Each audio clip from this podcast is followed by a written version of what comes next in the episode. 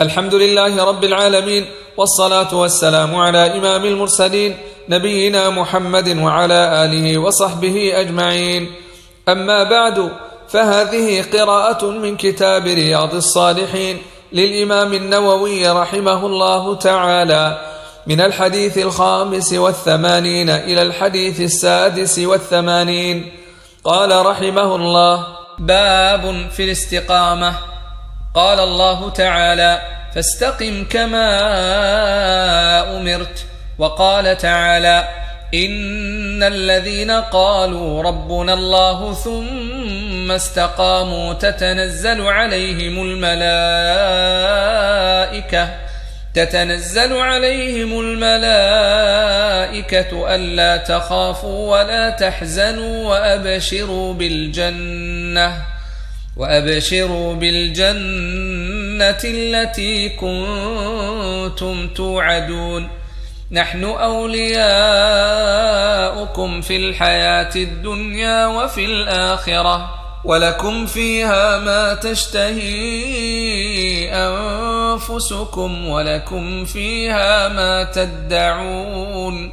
نزلا من غفور رحيم. وقال تعالى إن الذين قالوا ربنا الله ثم استقاموا فلا خوف عليهم ولا هم يحزنون أولئك أصحاب الجنة خالدين فيها جزاء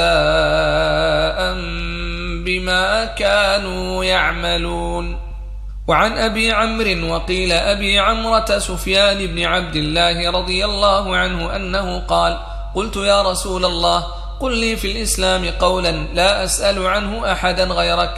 قال قل آمنت بالله ثم استقم. رواه مسلم. وعن أبي هريرة رضي الله عنه قال قال رسول الله صلى الله عليه وسلم قاربوا وسددوا واعلموا أنه لن ينجو أحد منكم بعمله. قالوا ولا أنت يا رسول الله. قال ولا أنا إلا أن يتغمدني الله برحمة منه وفضل. رواه مسلم. والمقاربة القصد الذي لا غلو فيه ولا تقصيرا والسداد الاستقامة والإصابة. ويتغمدني يلبسني ويسترني. قال العلماء معنى الاستقامة لزوم طاعة الله تعالى.